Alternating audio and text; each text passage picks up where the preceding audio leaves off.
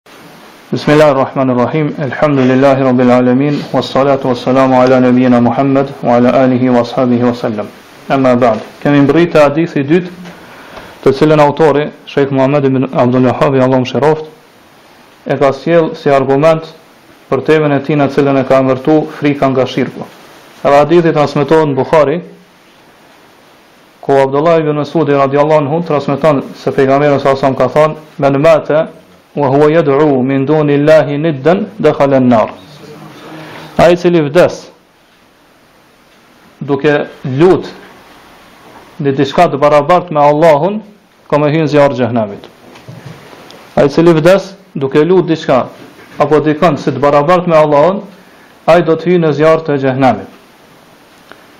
Kjo pjesëza këtu që përdor men në arabisht tregon kushtëzim. Edhe kemi thënë edhe më herët kushtëzimi në gjuhën arabe tregon përgjithësim. Pra këtu i përfshin si burrat si gratë. Do çdokush, pavarësisht të është burrë apo grua,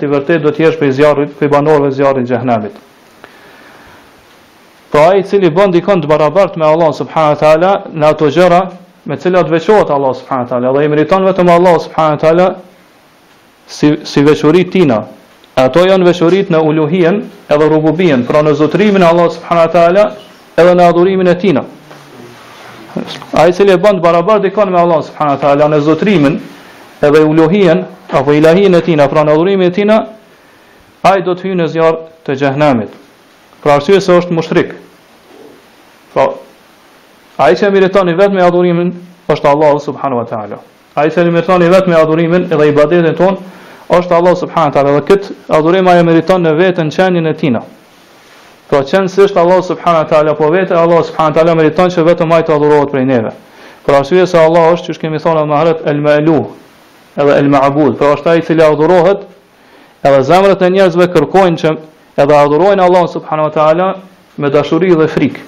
Kjo është vetëm Allahu subhanahu wa taala. Edhe gjithmonë do thot njerëz gjatë vështirësive tyne apo gjatë ngushticave të jetës tyne ata kërkojnë strehim apo zemrat e tyre kërkojnë strehim vetëm te Allahu subhanahu wa taala. Prandaj çdokush përveç Allahu subhanahu wa taala është nevojtar për Allahu subhanahu wa taala. Edhe është i mposhtur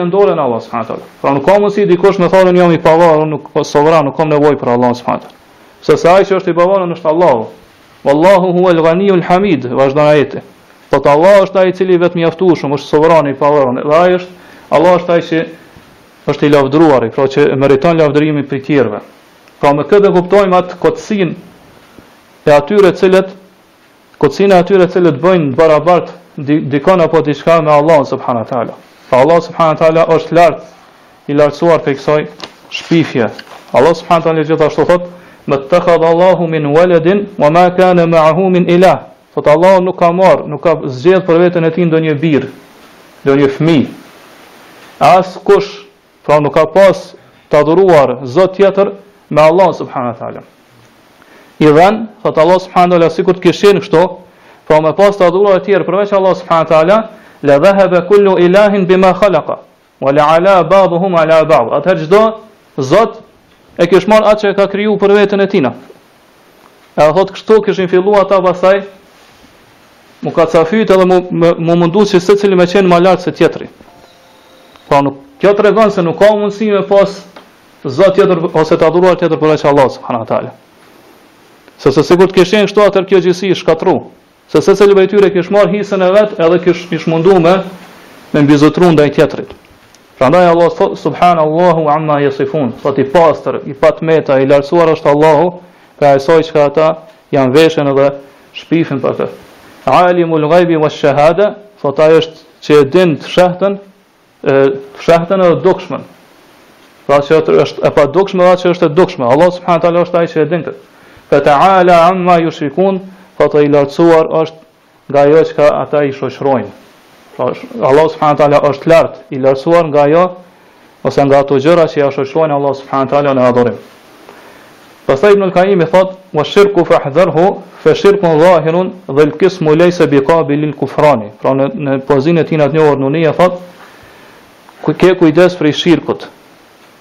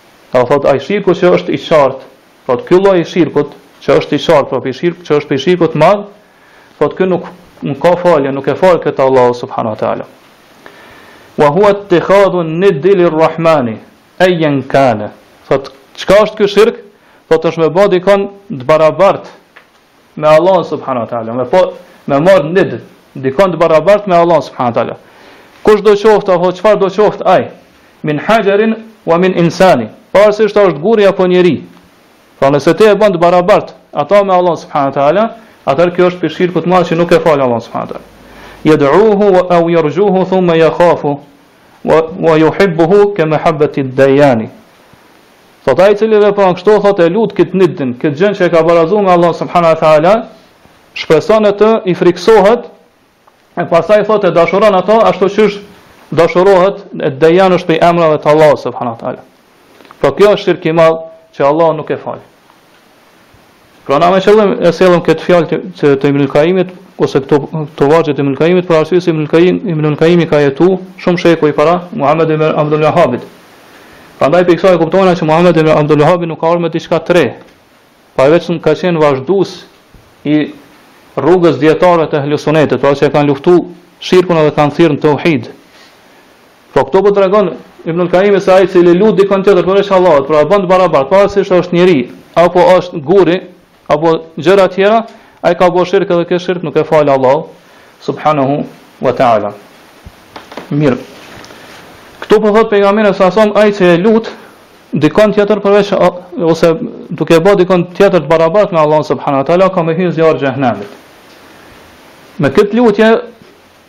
Ke është për qëllim dy gjëra ose dy lutje. Pra, ne edhe më herët kemi thënë se lutja është dy lloje.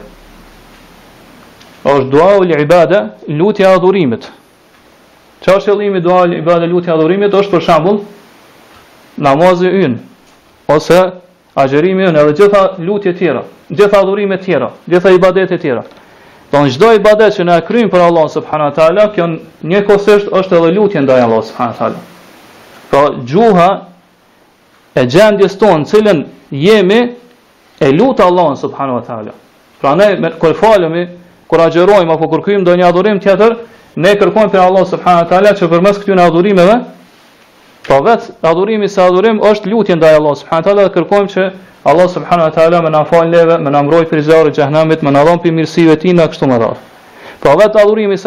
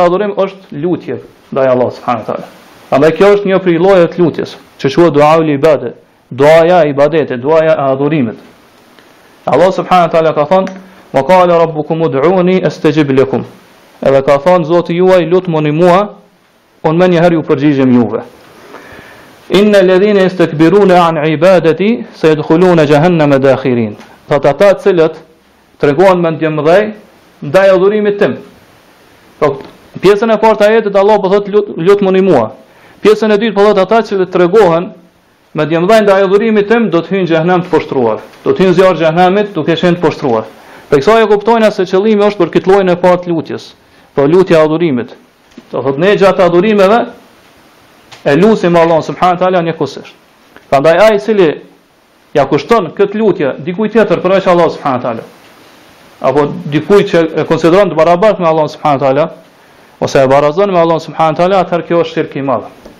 Prandaj çdo lloj prej llojeve të kësaj lutje, nëse i kushtohet dikujt tjetër përveç Allahut subhanahu wa taala, atëherë ky njeri ka bërë shirk të madh, ka bërë kufër të madh dhe ka dalë prej fesë të Allahut subhanahu wa taala. Për shembull, nëse një njeri i bën ruku dikujt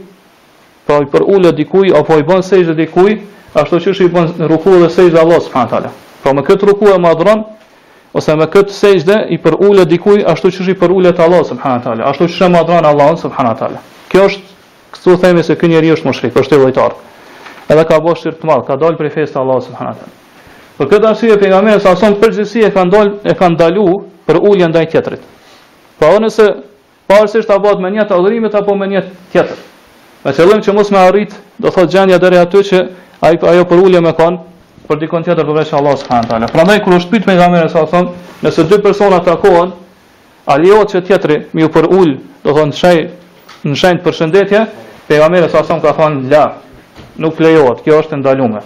Pra kë këtë hadith e transmeton Tirmidhiu Edhe Ibn Maxhe prej Enesit radiallahu anhu.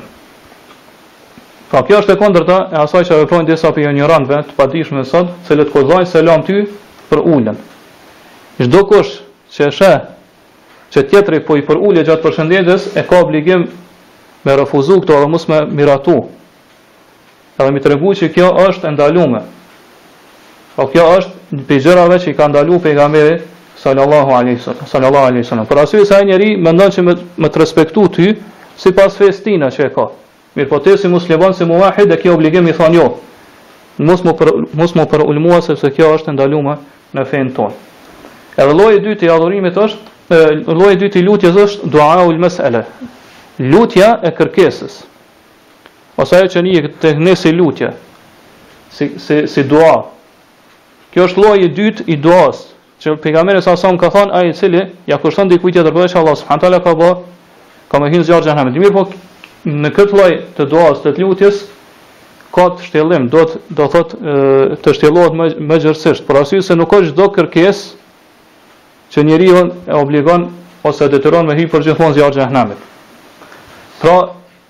Nëse atij të cilit kërkon prej tina diçka është krijesë, edhe ai ka mundësi me ta plotësu atë lutje tane, atë kërkesë tane, atëherë kjo nuk o shirk. Për shembull, nëse i thu dikujt më jep pak ujë, e ai ka mundësi me ta dhënë këtë ujë, kjo nuk o shirk.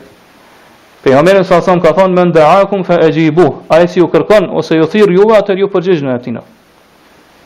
Kjo është e përgjithshme, nëse dikush të thirr, për shembull në martesë, pra në në atë ushqimin që bëhet për martesë e kështu me radhë, përgjigjju. Mirëpo njëjtë kuptohet edhe nëse dikush të kërkon diçka prej teje, atëherë ti përgjigju dhe jepja atë që po kërkon prej teje. Gjithashtu Allah subhanahu wa taala në surën Nisa thot, ajeti 8, "Wa idha hadara al-qismata ulul qurba wal yatama wal masakin farzuquhum minhu." Thot kur prezantojnë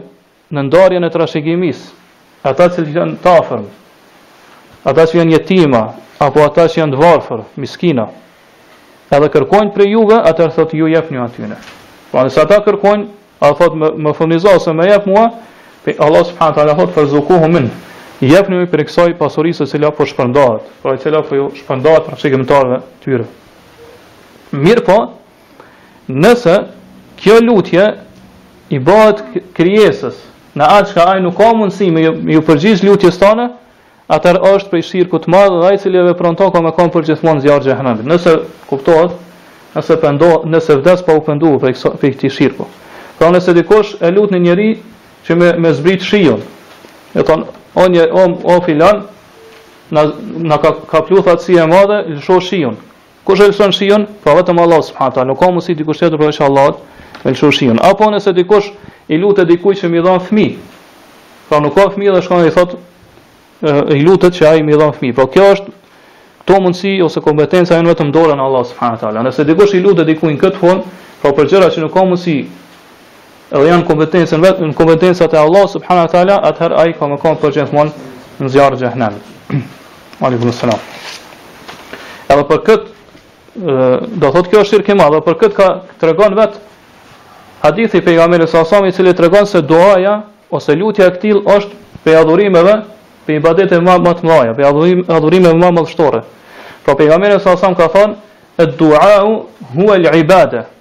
Duaja është vetë adhurimi.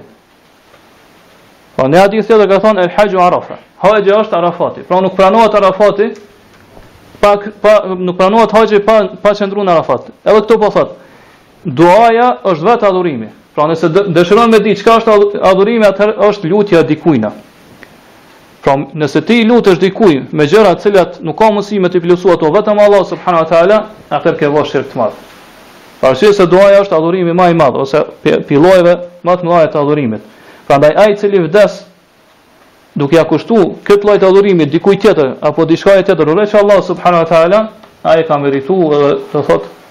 do të jetë përgjithmonë zjarr të xhenemit. Prandaj njeriu duhet vazhdimisht me pas frikë ndaj shirkut, sepse njeriu nuk e din kur do të vdes, ose në çfarë gjendje do të vdes.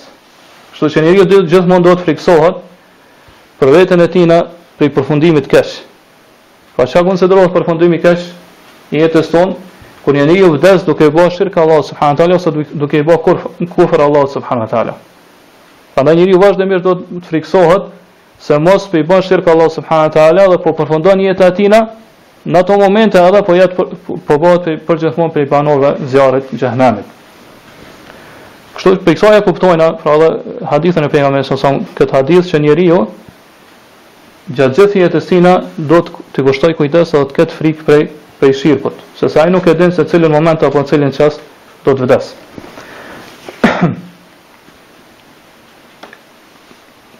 Pastaj me gjithë këtë, do thotë fatkeqësisht, ne e gjejmë që disa, në disa vende muslimane, në disa vende islame, ka prej njerëzve që të mendojnë se ai cili është i vdekur, ai cili është i varrosur, pra ai cili është është bë kufomë apo është tret fare, e ka ngrënë toka, mendon që ai bën dëm apo sjell dëm apo sjell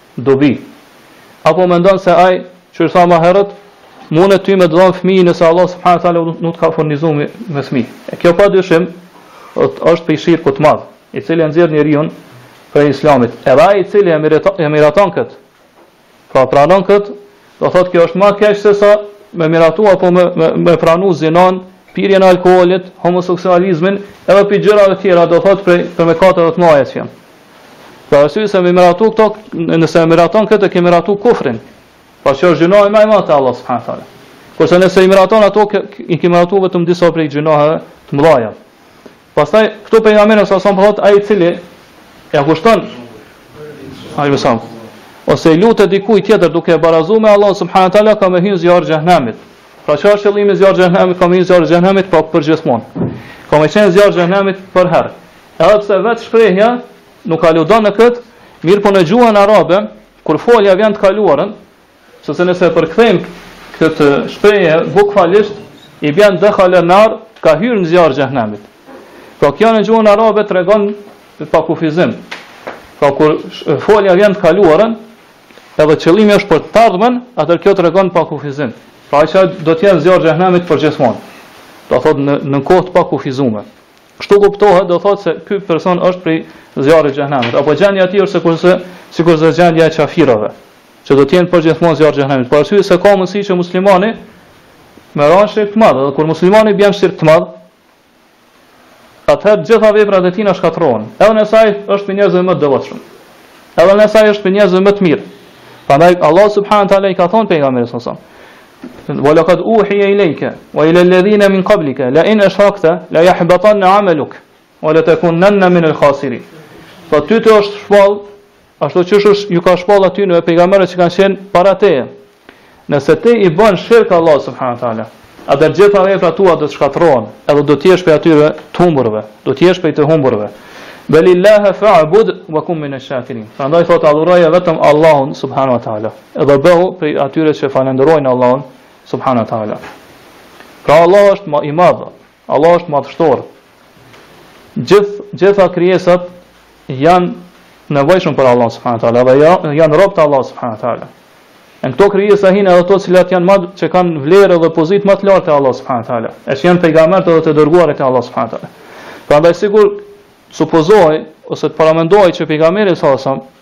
Me i bë shirk Allah subhanahu wa taala, atëherë gjitha veprat e tina do të shkatërrohen.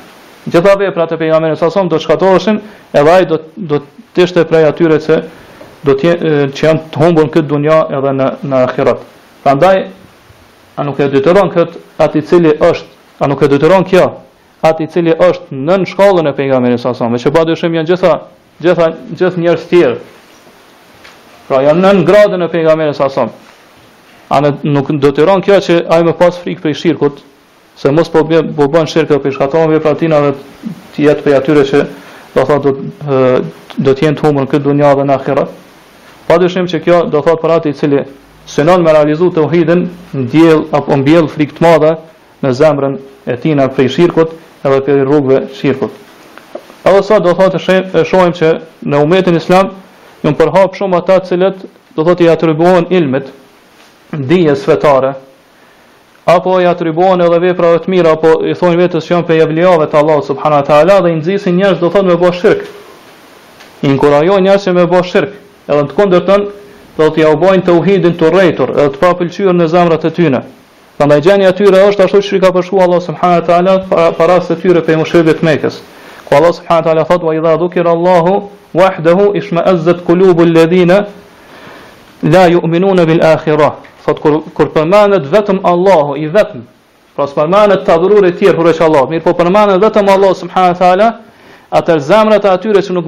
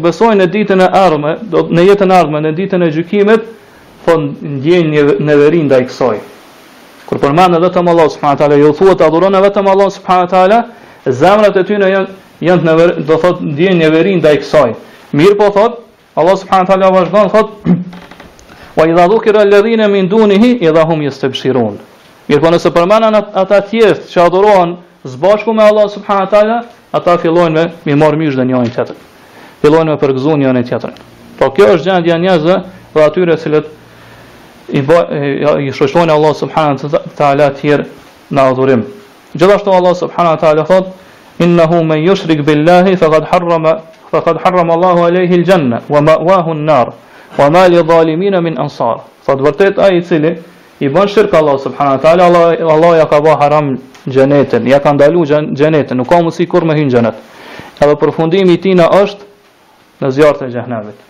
A thot zalimunët, ata të cilët i kanë bërë padrejtësi, zullum vetes tyre, nuk do të kenë ndihmëtar në ditën e gjykimit. S'ka me pas kush me ju ndihmu atyre.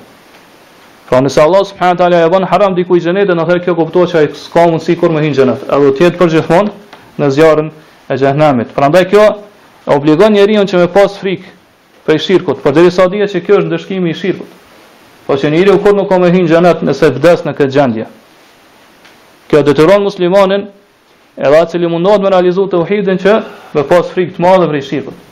Për arsye se mushriku e ka hum ahiretin edhe e ka hum dunjan, pra ka hum ahiretin për arsye se ka qenë hums, për arsye se ka me hy përgjithmonë n'zjarr xhehenem.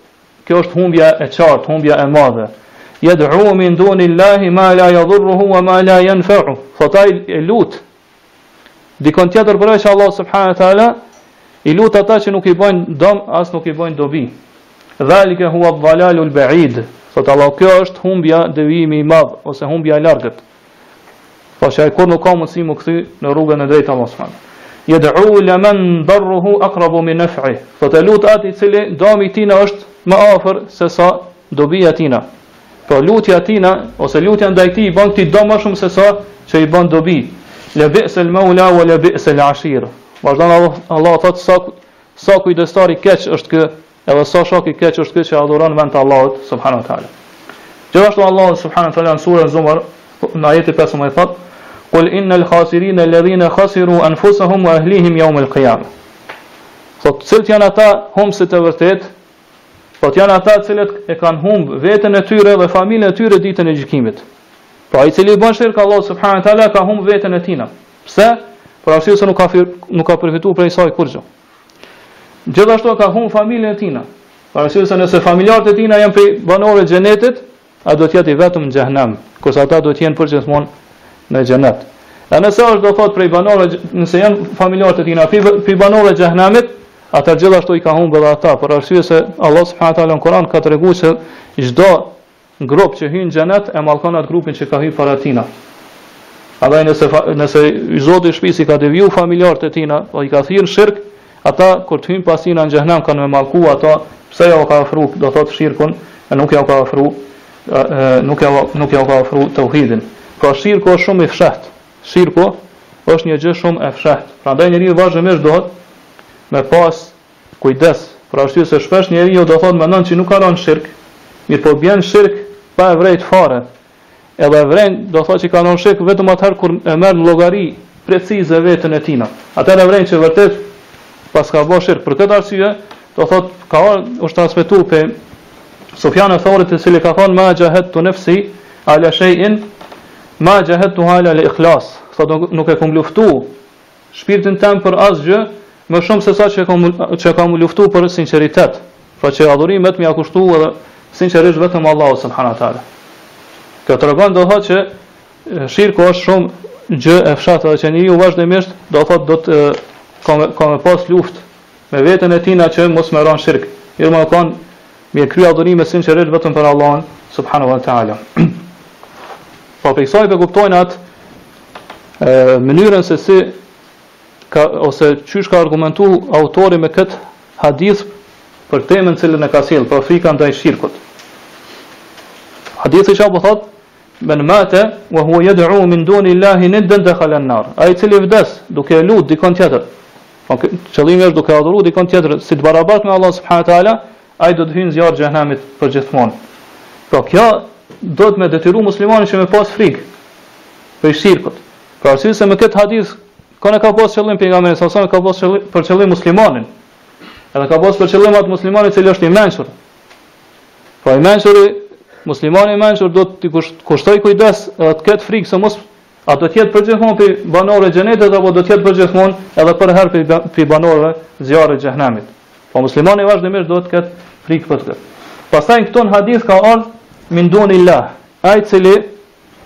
adhuron ose lut dikon tjetër që është nën Allahun. Por kjo shprehja që u përdor kjo min dunillah përdoret shpesh në Kur'an edhe në Sunet. Pra në ajete të shumta edhe në hadithe të shumta përdoret që njerëzit adhurojnë tjerë apo gjëra tjera min dunillah.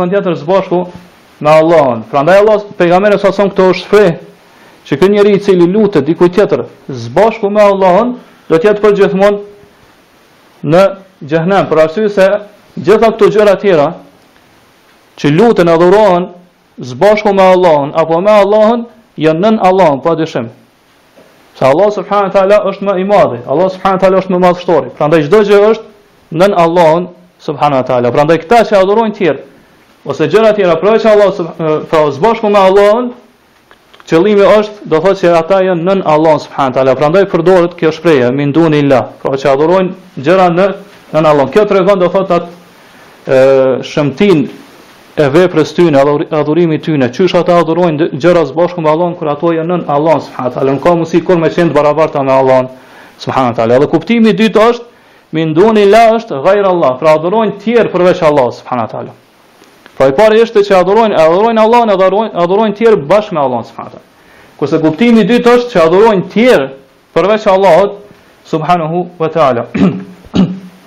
pra ky njeri nuk e ka adhuruar Allahun, mirëpo ka, ka adhuruar diçka tjetër, i pavarur, ka adhuruar diçka tjetër apo dikon tjetër përveç Allahut subhanahu wa taala. Prandaj kjo shprehje që përdoret në këtë hadith i përfshin këto dy kuptime. Pra i përfshin edhe ata që e adhurojnë tjerë bashkë me Allahun, Për arsye se mushrikët e Mekës kështu kanë vepruar. Po një pjesë të adhurimit ja kanë kushtuar Allahut, një pjesë tjetër, një pjesë të adhurimit ja kanë kushtuar dikujt tjetër përveç Allahut. Po e kanë adhuruar Allahun edhe të tjerë së bashku me Allahun. Mirpo nganjëherë kanë adhuruar gjëra apo njerëz persona veçan, do të thotë pavarur prej Allahut subhanahu teala. E ky hadith i përfshin këto dy grupe njerëzve, pra ata që adhurojnë tjerë së bashku me Allahun edhe ata që adhurojnë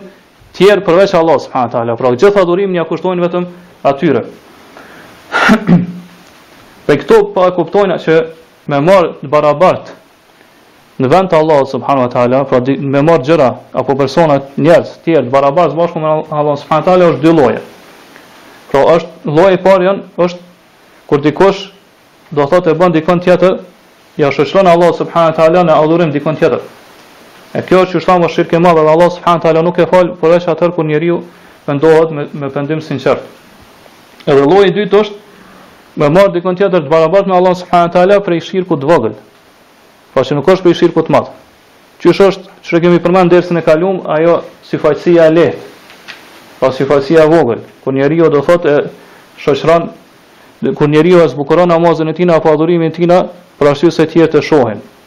Gjithashtu është kur njeriu për shembull i thotë tjetrit Mashallahu wa shit, çka do është Allah dhe çka don ti. Po e barazon tjetrin me Allahun me lidhëzen dhe çka do është Allah dhe çka don ti. Ose thotë mos ish kon Allahu dhe mos ishe kon ti. Nuk kish ndodh kjo ose kish ndodh kjo ose ka ndodh kjo.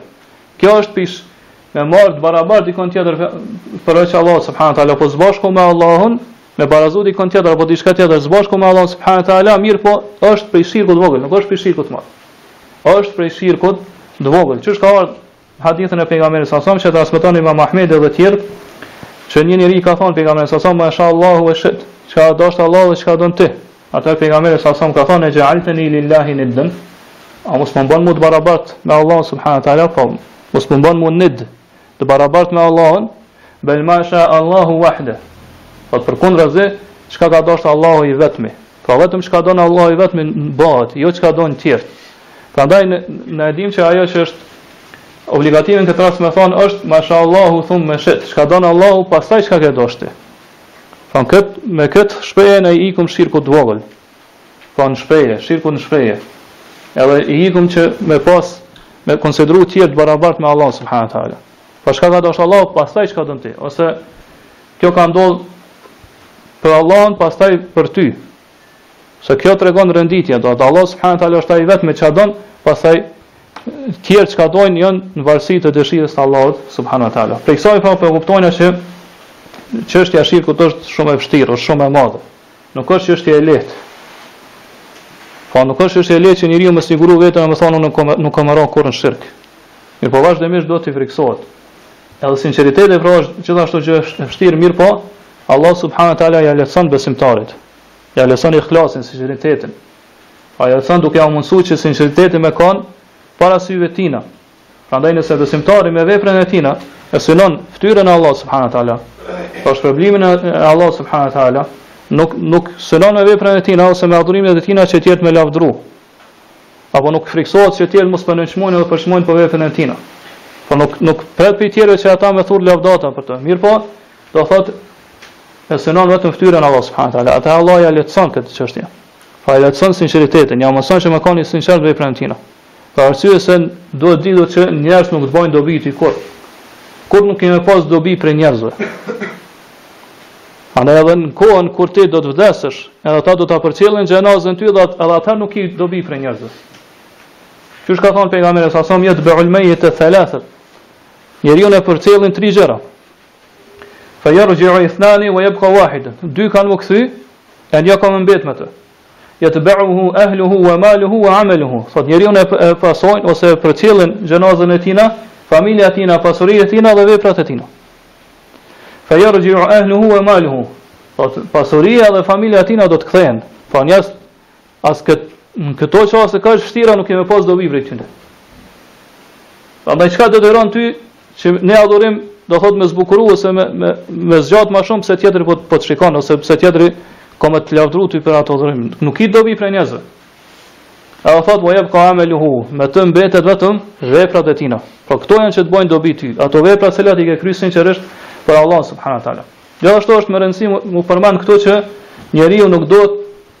ndjej gëzim, pra nuk do të gëzohet kur njerëzit e pranojnë fjalën e tina, pse ajo është fjala e tina.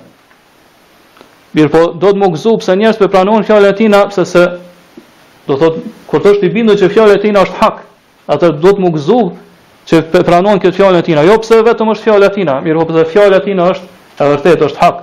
Pra në cilën ka thirrë Allahu dhe pejgamberi sa sa. Gjithashtu nuk do të dëshpërohet nëse njerëzit refuzojnë fjalën e tina vetëm pse është fjalë e tina.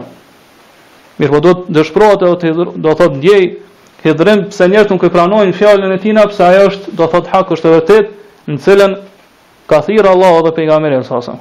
Përkundrazi nëse ai hidhrohet ose zemrohet pse tjerët nuk e pranojnë fjalën e tina, vetëm pse është fjalë e tina, atëherë nuk po thirr te Allahu, po po thirr te vetja e tina. Pra edhe kjo është prej llojeve shirkut të vogël. Po gjithmonë njeriu do të do thot ë ë të gëzohet pse të tjerët e pranojnë fjalën e tina vetëm pse ajo është hak ose pse të tjerë të hidhrohet pse të tjerët nuk e pranojnë fjalën e tina pse se të hidhrohet se ajo është prej hakut, prej të vërtetës. Në këtë mënyrë do thotë njeriu arrin me realizu ikhlasin, sinqeritetin. Pra ikhlasi, sinqeriteti është një gjë e vështirë, Mirëpo, qysh thamë edhe herët, nëse njeriu me zemrën e tina i kushtohet dhe i drejtohet vetëm Allahut subhanahu wa ta'ala dhe është i drejtë, i sinqertë në këtë, do të thotë ka shpëtuar prej prej shirkut të madh dhe prej shirkut të vogël, atëherë Allahu subhanahu wa ta'ala ia mundëson që ai me kon në rrugën e drejtë, edhe ia mundëson do të thotë që ia lehtëson sinqeritetin dhe ia mundëson që me kon i sinqertë gjatë adhurimeve të tina në në ditët e ardhshme të jetës tina. Pastaj ka mbetë edhe hadithi i tretë për këtë inshallah do të vazhdojmë